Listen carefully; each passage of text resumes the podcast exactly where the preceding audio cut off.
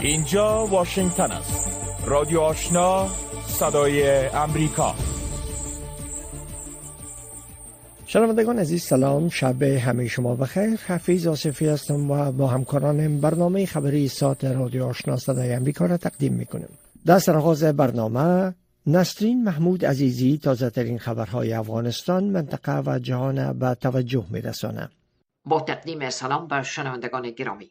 دفتر هیئت معاونت سازمان ملل متحد در افغانستان یا یونما در آستانه روز جهانی حقوق بشر خواستار رعایت حقوق شهروندان در افغانستان شده است. یونما در سلسله های خود موادی از اعلامیه جهانی حقوق بشر را نشر کرده که در آن آمده است همه مردم افغانستان سزاوار آزادی برابری و کرامتند یونما از ماده نهم این اعلامیه نقل کرده که می‌گوید هیچ کس نمی‌تواند مرا خودسرانه دستگیر یا بازداشت کند یا مرا از کشورم تبعید نماید. دفتر هیئت معاونت سازمان ملل متحد در ادامه نوشته است که افغانستان اعلامیه جهانی حقوق بشر را امضا کرده پس باید به هر ماده آن پابند باقی بماند. یونما در سلسله تویت های خود که اول و دیروز چهارم ماه دسامبر نشر کرده از ماده اول سوم و پنجم اعلامیه حقوق بشر نیز یاد کرده است. در این ماده ها گفته شده که هیچ کس حق ندارد مرا شکنجه کند. من حق زندگی دارم و باید در آزادی و امنیت زندگی کنم. آزاد و برابر با دیگران به دنیا آمدم و باید با همه انسان ها یکسان رفتار شود شازدفیر سفارت امریکا برای افغانستان با گروهی از زنان دارای معلولیت و گونه مجازی صحبت کرده و گفته است که این زنان افغان با مشکلات زیادی روبروند. فوزه احسان با جزیات بیشتر کران دیکر روز دوشنبه پنجم دسامبر در صفحه تویترش نگاشت است که در حال حاضر زنان دارای معلولیت در افغانستان نادیده گرفته می شوند. خانم دیکر افزوده است آنان توسط سیستم نادیده گرفته می شوند که باید آنان را برای کمک های ویژه در اولویت قرار دهد. آنان انسان های زیبا و قوی هستند. تا کنون شمار دقیق زنان دارای معلولیت در افغانستان معلوم نیست. اما دو روز پیش دفتر هماهنگی امور کمک های بشری سازمان ملل متحد در افغانستان اوچا گفت که بر اساس تخمین ها 15 درصد از جمعیت افغانستان با معلولیت زندگی می کنند. اوچا در پیامه به مناسبت روز جهانی افراد دارای معلولیت به تاریخ سوم دسامبر گفت که این افراد به طور نامتناسب تحت تأثیر بحران قرار گرفتند و در دسترسی به کمک های اولیه با مشکلات مواجه هستند. و در ادامه خبرها حکومت طالبان از بازداشت فردی که روز جمعه بر سفارت پاکستان در کابل گلوله‌باری کرده بود خبر داده است. زبیالله مجاهد سخنگوی حکومت طالبان امروز با نشر پیام در تویتر گفت فرد بازداشت شده شهروند یکی از کشورهای خارجی است و عضویت گروه داعش را دارد. حکومت استرالیا دو سال بعد از آنکه تحقیقات در قبال گزارش به نام بریرتن وقوع جرایم جنگی را در افغانستان تثبیت کرد و خانواده های قربانیان این واقعه غرامت می پردازد. روزنامه گاردین استرالیا در مقاله نوشته است که ریچارد مارلس معاون صدر استرالیا در مورد ابراز داشت که در قبال اجرای این تصمیم برخی دشواری ها وجود دارد ولی حکومت آن کشور به انجام آن متعهد است طبق تحقیقاتی که برای تهیه گزارش برگردن صورت گرفت حدود 25 نظامی برحال و سابق نیروهای ویژه استرالیا در کشتار غیرقانونی 39 نظامی و شکنجه دو تن دیگر شامل بودند.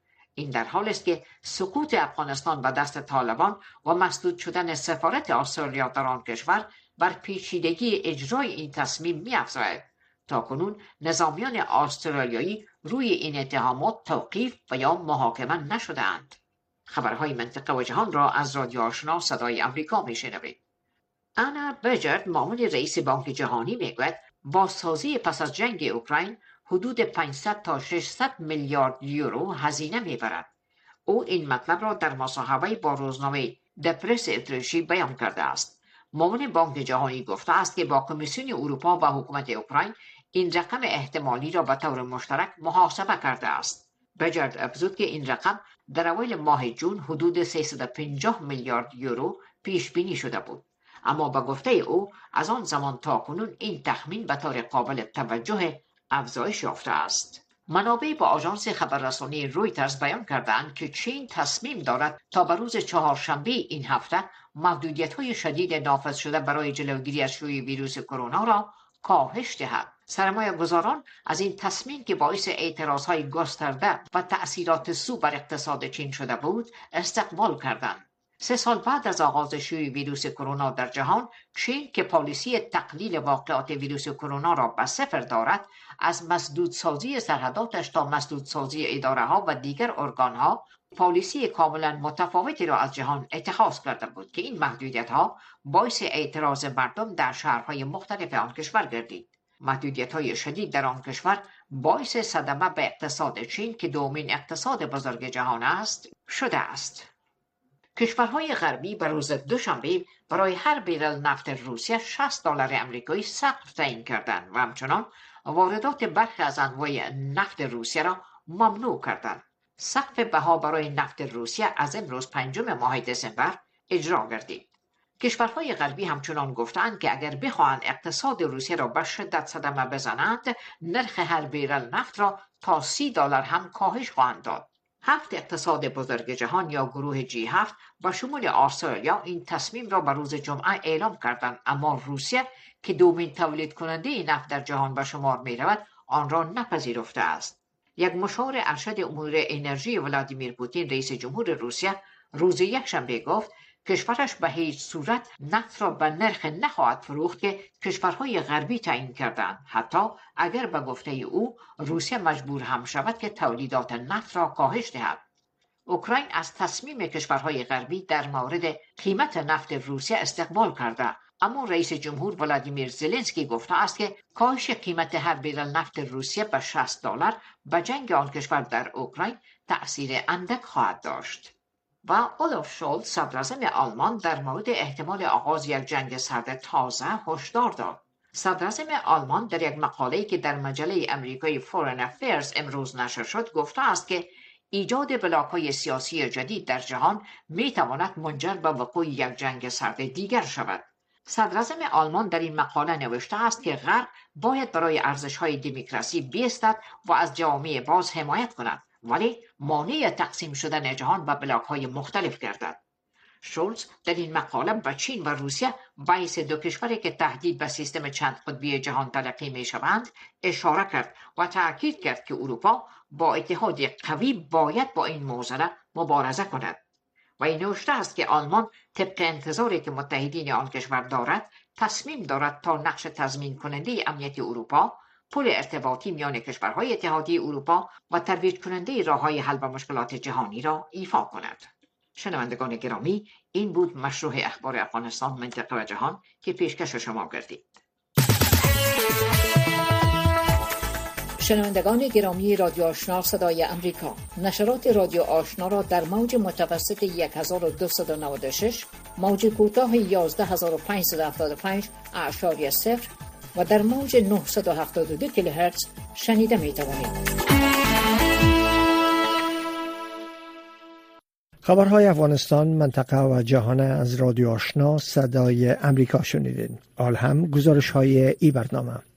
به دنبال سفر حیات طالبان به امارات متحده عربی کارشناسان معتقد هستند که این سفر با سفرهای آمد کرزی رئیس جمهور پیشین افغانستان و تاماس ویست نماینده وزارت خارجه ایالات متحده بر افغانستان به اونجا تصادفی نیست. با باور کارشناسان چهره های میان رو طالبان با توجه به بنبست سیاسی در منطقه و جهان به این نتیجه رسیدند که تداوم چنین وضعیت به نفع حکومتی گروه نیست. جزئیات بیشتر در این گزارش میشنویم. سفر همزمان هیئت طالبان به رهبری ملا محمد یعقوب سرپرست وزارت دفاعی این گروه حامد کرزی و بازدید تانسفیس نماینده وزارت خارجه ایالات متحده برای افغانستان از امارات متحده عربی. کارشناسان این سفرها را تصادفی نمی‌دانند. آنان معتقدند که نه تنها کشورهای غربی به ویژه ایالات متحده بلکه پاکستان نیز بر طالبان فشارهای خود را بیشتر کرده است تا این گروه به تشکیل یک حکومت فراگیر در افغانستان تن دهد. بریالای نصرتی رهبر حرکت ملی خط سوم به صدای امریکا گفت که سفرهای هیئت طالبان و نماینده ایالات متحده برای افغانستان بر اساس صحبت‌های از قبل انجام شده صورت می‌گیرد و در این دیدارها دو طرف در مورد چگونگی ایجاد حکومت در افغانستان بحث‌های خواهند داشت. صحبت های از قبل داشتن و امروز هم دارن و این دایرکت بالای حکومت همه قبول یا حکومت معقت گذار بالایش صحبت میشه و طالبا هرگز نمی‌خواه که افراد حکومت قبلی باشد این نظام آینده. اینا با یک شرط موافقت کردن که چهره های پاک سیاسی می‌تونن اینا با اونا ساخت ساز کنن.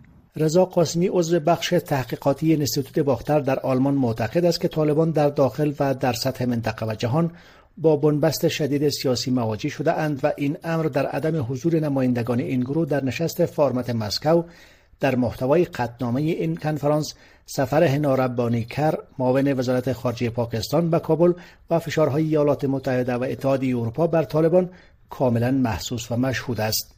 آقای قاسمی افزود با توجه به وضعیت دشوار سیاسی که رژیم طالبان در آن قرار گرفته است چهره های میان روی این گروه مثل ملا یعقوب به این نتیجه رسیدند که با تداوم چنین وضعیت بقای حکومت این گروه ممکن نخواهد بود. احتمالی که روی حکومت قابل قبولتر بین چهره های سیاسی در امارات بحث صورت بگیره خیلی زیاد است و همچنین امریکا و پاکستان در نهایت به این امر واقف شدند که دولت انحصاری و تگروهی در افغانستان نتیجه معکوس داده.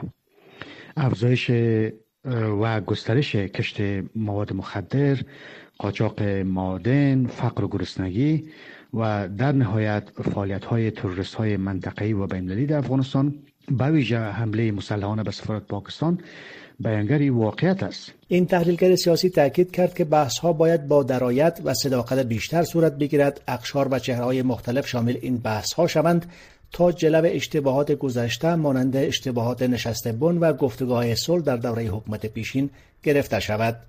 در همین حال ملا محمد یعقوب سرپرست وزارت دفاعی حکومت طالبان در جریان سفرش به امارات متحده عربی در نشست با افغانهای مقیم آنجا گفته است که باید از هان همه از تعصب پاک شود و به نسل جدید نشان داده شود که همه اقوام شهروندان افغانستانند و در این کشور حقوق دارند. سرپرست وزارت دفاعی حکومت طالبان گفت هم اقتصاد حق باید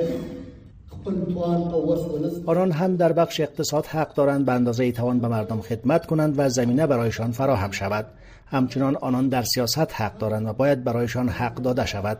هم در بخش نظامی سهم دارند باید به این وطن خدمت کنند و از آن دفاع کنند. دروازه را برای کسی نبسته ایم. هر افغان ورور چې هر معنا په یو بخش خدمت وکړي با این حال برخی کارشناسان چنین دیدارها را ضرورت برای بهبود وضعیت افغانستان میپندارند و معتقدند که انزوای افغانستان به نفع هیچ کسی نیست و بیشتر مردم این کشور آسیب خواهند دید. طارق فرهادی کارشناس سیاسی. این دید و بازدیدها هر کدامش اهمیت خود داره که در اوجه بین طرفین افهام و تفهیم شود و گره از کار افغانستان گشوده شود این در حال است که نماینده ویژه ایالات متحده در امور افغانستان برای مشورت در مورد بحران بشری و اقتصادی در افغانستان به تاریخ اول دسامبر سفرهایش را به ژاپن، هند و امارات متحده عرب آغاز کرد. وزارت خارجه ایالات متحده گفته است که تانسفست در جریان این سفر هشت روزه با شرکای ایالات متحده و افغانها در راستای حفظ حقوق افغانها و نگرانی های امنیتی مشترک نیز مشوره خواهد کرد. پیش از این آقای وست بر ضرورت گفتگاه های ملی و واقعی بین الافغانی در مورد آینده افغانستان تأکید کرده بود. شنوندگان گرامی رادیو آشنا صدای امریکا نشرات رادیو آشنا را در موج متوسط 1296 موج کوتاه 11575 اشاری و در موج 972 کیلوهرتز شنیده می توانید دفتر آمدکرزه رئیس جمهور پیشین افغانستان به صدای امریکا گفت که او قبل از عزیمت به آلمان سه روزه در دوبای سپری خواهد کرد. ای اولین سفر او به خارج از افغانستان است. در رابطه با سفر رئیس جمهوری پیشین افغانستان به خارج از کشور و احتمال مذاکرات در مورد آینده افغانستان سهر ازمی مصاحبه با آصف مبلغ تحلیلگر امور سیاسی انجام داده که با هم به گفت و شنود گوش میتیم دلیل سفر آقای کرزی و اجازه دادن طالبان به این سفر را چی تفسیر می‌کنید آیا آقای کرزی وسیله به خاطر حل بنبستی است که طالبان فعلا با جامعه جهانی با آن مقابل هستند؟ ببینید هرچند که هدف این سفر به آلمان هدف معالجوی تعریف شده اما من فکر می‌کنم پیوستن ملا یعقوب وزیر دفاع طالبان به آقای کرزی در امارات و همچنین گمان زنی های در مورد صحبت آقای کرزی و مشورت آقای کرزی با اشرف احمد زی در امارات هم بیشتر گمان زنی ها را به این سمت پیش می‌بره که ممکن هست بنبست کنونی را که در افغانستان با وجود آمده به خاطر قدرت گرفتن دوباره طالبان و نصفی گروه های سیاسی و مجموعه های اجتماعی از سوی این گروه. ممکن هست که آقای کرزی به همکاری مجموعه های مختلف سعی می‌کنه که بتانه به اصطلاح به یک شکلی مفصل بشکنانه به سفر آقای ملا یعقوب وزیر دفاع حکومت طالبان به امارات متحده شما هم اشاره کردین. که سوالات من هم بود. کرزی به امارات متحده عربی و همچنین وزیر دفاع طالبان به امارات متحده عربی اصلا به نظر شما می‌تونه یک نسخه کارآمد به وضعیت افغانستان باشه فکر می‌کنین این سفر شاید متعاقبا مثل گذشته با, با اصرار آقای کرزی به بهبود وضعیت باز هم به نتیجه نرسن؟ من فکر می‌کنم که مشکلات اساسی که در افغانستان وجود داره ساختار و قدرت هست. و در حاشیه بودن بخش های مختلف اجتماعی که اینا در طول تاریخ خودشان در حاشیه قدرت دیده. بنابراین اگر هم آقای کرزی و امثالشان مجموعه های مختلفی که از سوی تیم جمهوریت سابق در حال فعالیت هستند و ما اینا را در یک راستا می‌بینیم مثل آقای حنیف اتمر با راه اندازی تیم سیاسی که انجام داده. تلاش های گسترده را که آقای محب انجام میده. تلاش های گسترده دیگه را که خانم آقای اشرف بنی احمد زی و خانم آقای محب به نام زنان افغانستان انجام میده. من فکر می‌کنم اینا نماینده های واقعی افغانستان نیستند و حتی اگر به شکل ظاهری یک به اصطلاح یک راه حل سیاسی را برای افغانستان هم پیشنهاد بکنه تا زمانی که مجموعه های واقعی که نماینده اصلی طیفای اجتماعی در افغانستان هست در صحنه سیاسی افغانستان حضور واقعی پیدا نکنه تا زمانی که ساختار سیاسی در افغانستان جراحی نشود و فکر می‌کنم باز هم از یک جای دیگر این غم و این درد سرخواست خواهد کرد. شما طوری که اطلاع دارین یکی از موضوعاتی که همیشه از طرف جامعه جهانی سرش پافشاری میشه موضوع همه شمول بودن حکومت طالبان هست. آیا فکر می‌کنین دایه آقای کرزی و با باور شما آقای غنی که در امارات فعلا هستند آیا مولا یعقوب وزیر دفاع طالبان بیانگر این همه شمولیت هست؟ به هیچ عنوان. ترسی که ما داریم این هست که بعد با چالاکی سیاسی آقای ملا یعقوب به عنوان به اصطلاح نماینده گروه طالبان آقای کرزی و آقای اشرف غنی احمدزی به عنوان نمایندگان تکنوکرات افغانستان بیایه و باز هم بازی را به شکل پیش ببره که تایفای دیگه بیرون بمانه اساسا ترس ما همی هست. به همون شکلی که در دوران جمهوریت هم در طرف مخالف گروه طالبان قرار داشتند در طرف بازیگر جمهوریت هم مجموعه های فقط از یک طیف بود و همین متاسفانه ما رو به بنبست سیاسی کشان. و همین مسئله باعث شد که ما در مقابل طالبان نتانیم استاد شویم. من ترس ما این هست که امروز هم در دو طرف به اصطلاح یک مجموعه بازی بکنه و بقیه متاسفانه همین ظرافت بازی سازی رو تا حالا نداشته که بتانه در فضای سیاسی افغانستان جای خودشان را باز بکنن بله. شما اشاره کردین به آنچه پیش بین هستین در جریان سفر آقای کرزی به امارات متحده عربی. در مورد آلمان بگین آیا فکر می‌کنین اجندای آقای کرزی در سفر به آلمان هم پیش زمینه یک فعالیت سیاسی خواهد بود یا بیشتر به دیگه منظور سفر می‌کنن؟ با اینه که گفتن که در آلمان به خاطر معالجه میرن اما من فکر می‌کنم که سعی خواهد کرد که در آلمان با مجموعه های از غربی ها به اصطلاح روند را اینا شروع بکنند من همونطوری که عرض کردم من آقای حنیف اتمر را جدای از آقای کرزی و اشرف بنی احمدزی نمی بینم ما کسان مثل آقای زاقلوال کسان مثل آقای اکلیل حکیمی کسان مثل آقای محب را یک تیم جدا نمی بینم اینا در راستای هژمونیزه کردن و متمرکز کردن قدرت در دست یک طیف خاص تلاش می‌کنن و حرکت های اینا ممکن هم هست که به جنبندی های با طالبان برسه اما این چاره درد مردم افغانستان نیست. رادیو آشنا صدای امریکا هفت روز هفته. خبر و گزارش ها و تحلیل های خبری روز. هند از یک طرف در حال افزایش سرعت پروژه های انرژی سبز برای کاهش انتشار کربن است اما در این حال استفاده از زغال سنگ هم در سال جاری در او کشور افزایش یافته. این کار می‌تواند تلاش ها برای دستیابی به هدف انتشار کربن صفر خالص هند تا سال 2070 که برای مقابله با تغییرات اقلیمی جهانی حیاتی است متوقف بسازه انجانا پاسلی چا خبرنگار صدای امریکا از دهلی نو گزارش فرستاده که برگردان او را از عبدالواجد عادل مشنوین از زمانی که کیسا بایی پراجاپاتی از قریه مدیرا در ماه اکتبر شروع به استفاده از چرخ کلالی با انرژی آفتابی کرد تولیدات او تقریبا دو چند افزایش یافت. پراجاپاتی می‌گوید تایم بگیره اکنون می توانم گلدان های بیشتری را در زمان کمتری بسازم. قبلا برای چرخاندن چرخ به صورت دستی تلاش زیاده می شد ولی اکنون از برق کار می گیرم از توی هم چراغ های آفتابی و کودکان کمک می کند تا ساعت های طولانی تری در شب مطالعه کنند. قریه مدهیرا در ایالت گجرات غربی اولین جای در هند است که به طور کامل از انرژی آفتابی تولید شده توسط صدها تخته های برقی آفتابی روی پشت بام های خانه ها و ساختمان های دولتی تغذیه می شد.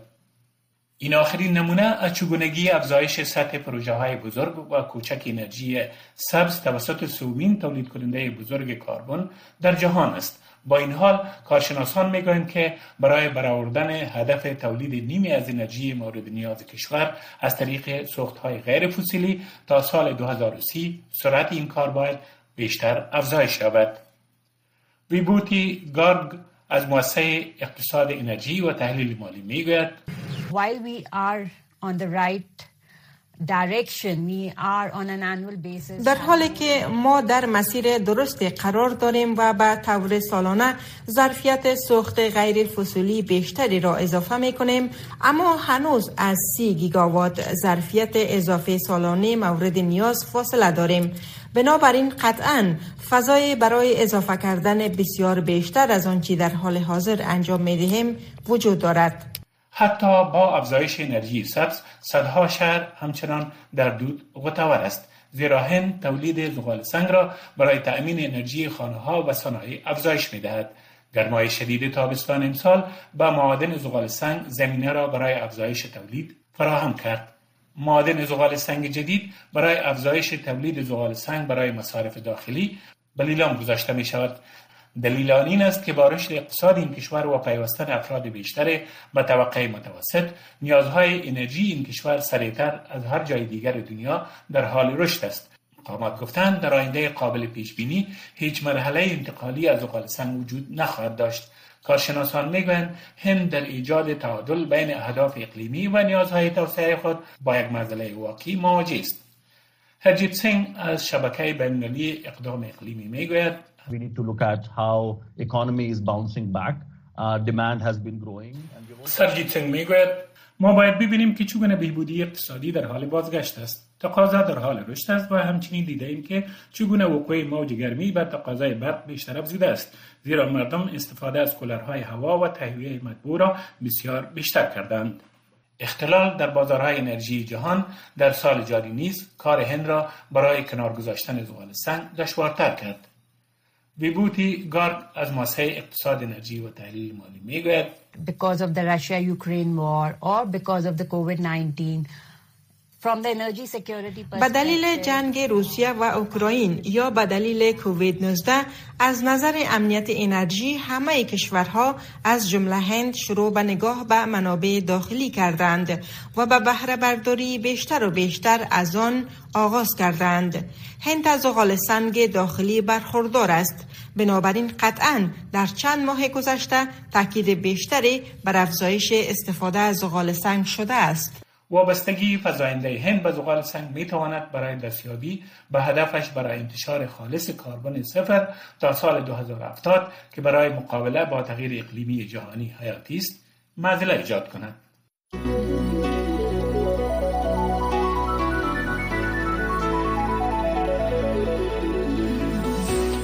صدای امریکا در فیسبوک facebook.com slash voa در ادامه فشارهای غرب به مسکو سقف جدید تعیین شده به قیمت نفت روسیه از امروز دوشنبه مریول اجراست کشورهای غربی سه روز قبل توافق کردند که فی بیرل نفت روسیه را اضافه تر از 60 دلار خریداری نمی کنند. روسیه اقدام رد کرده و ولادیمیر زلنسکی رئیس جمهور اوکراین هم او را مورد انتقاد قرار داده. شرح بیشتر در این مورد از سید عزیز الرحمن میشنویم. شعله های آتش در خرسون پس از یک شب حملات شدید بر این شهر. حملات بر این شهر جنوبی اوکراین که قبلا تحت تصرف نظامیان روسی قرار داشت پس از آن تشدید یافت که نظامیان اوکراینی دو هفته قبل کنترل این شهر را دوباره به دست گرفتند. در حالی که سردی هوا به زیر صفر درجه سانتیگراد می رسد باشندگان این شهر در فقدان برق، آب و مواد سوخت قرار دارند. نظامیان روسی حین بیرون شدن از این شهر بخش های زیاد از تأسیسات زیربنایی خرسون را تخریب کردند.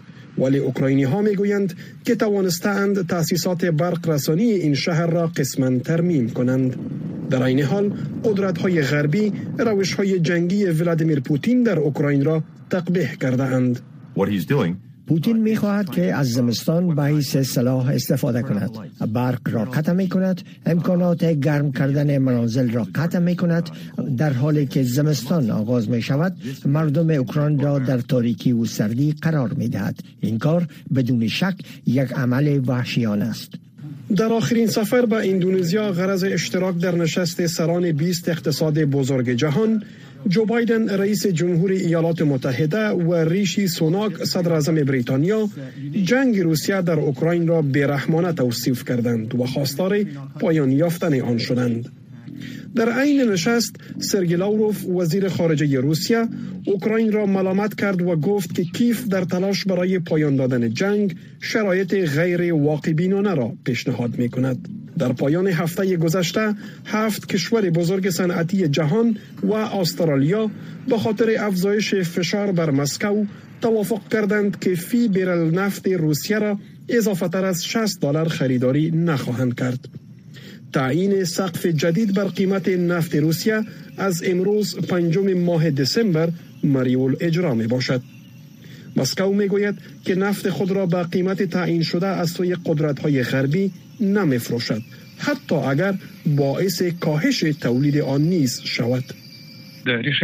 ولی تصمیم در مورد واکنش روسیه نسبت به سقف تعیین شده بر قیمت نفت آماده شده است ولی واضح است که ما هیچ سقف را بر قیمت نمیپذیریم روسیه که دومین تولید کننده بزرگ نفت جهان می باشد به خاطر تقویت اقتصاد خود بر فروش نفت و گاز اعتقاد دارد دو منبعی که به دلیل تهاجم بر اوکراین تحت تعذیرات شدید جهانی قرار گرفته است تهاجم روسیه بر اوکراین که به تاریخ 24 ماه فبروری امسال آغاز شد تا حال میلیون ها نفر را به جا ساخته تعداد نامشخص غیر نظامیان را زخمی و به کام مرگ فرستاده و اقتصاد جهان را تکان داده است در جریان ده ماه این جنگ ناظران در داخل و بیرون از اوکراین خواستار تحقیقات در مورد جنایات جنگی روسیه شده اند.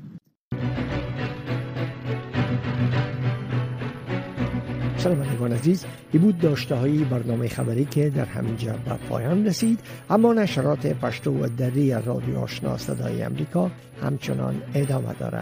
شنونده رادیو آشنا باشید.